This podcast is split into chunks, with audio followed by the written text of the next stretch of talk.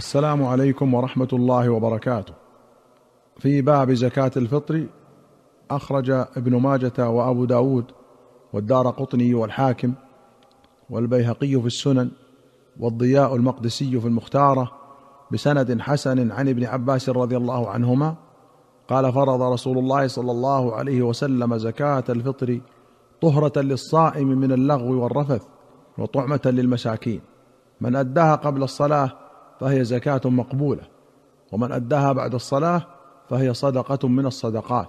وأخرج البخاري عن السائب بن يزيد رضي الله عنه قال كان الصاع على عهد النبي صلى الله عليه وسلم مدا وثلثا بمدكم اليوم فزيد فيه في زمن عمر بن عبد العزيز.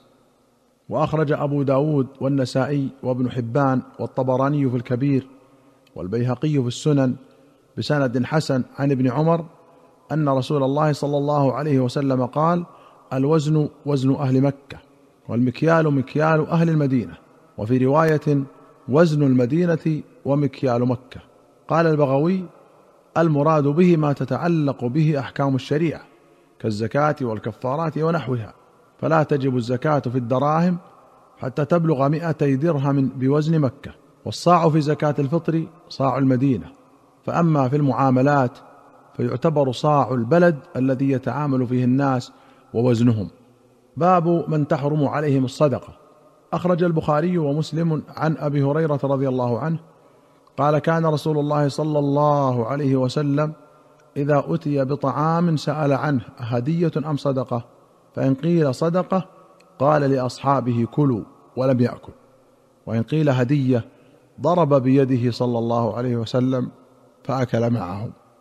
وأخرج الشيخان عن أبي هريرة رضي الله عنه قال أخذ الحسن بن علي تمرة من تمر الصدقة فجعلها في فيه. فقال النبي صلى الله عليه وسلم بالفارسية كخ كخ ارم بها أما علمت أنا لا نأكل الصدقة؟ وفي رواية أنا لا تحل لنا الصدقة؟ وفي أخرى أن رسول الله صلى الله عليه وسلم قال إني لأنقلب إلى أهلي فآجد التمرة ساقطة على فراشي أو في بيتي فأرفعها لآكلها ثم أخشى أن تكون صدقة فألقيها. وأخرج البخاري عن أبي هريرة قال كان رسول الله صلى الله عليه وسلم يؤتى بالتمر عند صرام النخل فيجيء هذا بتمره وهذا من تمره حتى يصير عنده كوما من تمر الصدقة. فجعل الحسن والحسين يلعبان بذلك التمر فأخذ أحدهما تمرة فجعلها في فيه فنظر إليه رسول الله صلى الله عليه وسلم فأخرجها من فيه. وقال أما علمت أن آل محمد لا يأكلون الصدقة؟ وأخرج مسلم عن عبد المطلب بن ربيعة بن الحارث قال اجتمع ربيعة بن الحارث والعباس بن عبد المطلب فقالا والله لو بعثنا هذين الغلامين لي وللفضل بن العباس إلى رسول الله صلى الله عليه وسلم فكلماه فأمرهما على هذه الصدقات فأديا ما يؤدي الناس وأصاب مما يصيب الناس فانطلقا. فقال أحدهما يا رسول الله أنت أبر الناس وأوصل الناس وقد بلغنا النكاح فجئنا لتؤمرنا على بعض هذه الصدقات فنؤدي إليك كما يؤدي الناس ونصيب كما يصيبون. فسكت طويلا. ثم قال إن هذه الصدقة لا تنبغي لآل محمد إنما هي أوساخ الناس. ادعوا لي محمية وكان على الخمس ونوفل بن الحارث بن عبد المطلب. فجاء فقال لمحمية أنكح هذا الغلام ابنتك للفضل بن العباس. فأنكحه وقال لنوفل بن الحارث أنكح هذا الغلام ابنتك. فانكحني وقال لمحمية أصدق عنهما من الخمس كذا وكذا. وأخرج أحمد وأبو داود والنسائي وأبو يعلى وابن حبان والطبراني في الكبير والحاكم بسند صحيح عن أبي رافع مولى رسول الله صلى الله عليه وسلم قال بعث رسول الله صلى الله عليه وسلم رجلا على الصدقة من بني مخزوم. فقال لأبي رافع اصحبني فإنك تصيب منها. قال حتى آتي النبي صلى الله عليه وسلم فأسأله. فأتاه فسأله فقال مولى القوم من أنفسهم وإنا لا تحل لنا الصدقة.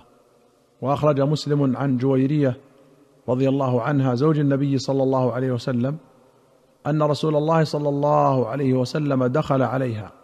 فقال هل من طعام؟ قالت لا والله إلا عظم من شاة أعطيته مولاتي من الصدقة فقال قربيه فقد بلغت محلها.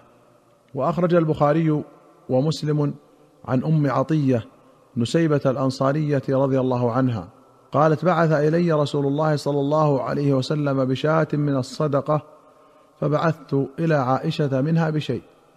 فدخل النبي صلى الله عليه وسلم على عائشة. فقال هل عندكم شيء؟ قالت لا إلا شيء بعثت به إلينا نسيبة من الشاة التي بعثت إليها من الصدقة. قال هاتي فقد بلغت محلها. وأخرج الشيخان عن عائشة قالت تصدق على بريرة بلحم. فقال رسول الله صلى الله عليه وسلم هو لها صدقة ولنا هدية. وفي رواية قالت دخل رسول الله صلى الله عليه وسلم وعلى النار برمة تفور أي قدر يفور. فدعا بالغداء فأتي بخبز وأدم من أدم البيت. فقال ألم أرى برمة على النار تفور؟ قالوا بلى يا رسول الله. ولكنه لحم تصدق به على بريرة وأهدت إلينا منه وأنت لا تأكل الصدقة. فقال هو صدقة عليها وهدية لنا. ولمسلم أن النبي صلى الله عليه وسلم أتي بلحم بقر فقيل هذا ما تصدق به على بريرة فقال هو لها صدقة ولنا هدية. وأخرج البخاري عن جبير بن مطعم رضي الله عنه قال مشيت أنا وعثمان بن عفان إلى النبي صلى الله عليه وسلم فقلنا يا رسول الله أعطيت بني المطلب من خمس خيبر وتركتنا ونحن وهم منك بمنزلة واحدة. فقال صلى الله عليه وسلم إنما بنو المطلب وبنو هاشم شيء واحد. قال جبير ولم يقسم النبي صلى الله عليه وسلم لبني عبد شمس ولا لبني نوفل شيئا. وقال ابن إسحاق عبد شمس وهاشم والمطلب إخوة لأم وأمهم عاتكة بنت مرة وكان نوفل أخاهم لأبيهم. باب الترغيب في الصدقة والإنفاق على الأقارب. أخرج الشيخان عن أبي هريرة رضي الله عنه أن رسول الله صلى الله عليه وسلم قال من تصدق بعدل تمرة من كسب طيب ولا يصعد إلى الله وفي رواية ولا يقبل الله إلا الطيب فإن الله يتقبلها بيمينه ثم يربيها لصاحبها كما يربي أحدكم فلوة حتى تكون مثل الجبل أو أعظم. الفلو المهر الصغير وهو ولد الفرس إذا فلي أي فطم عن أمه.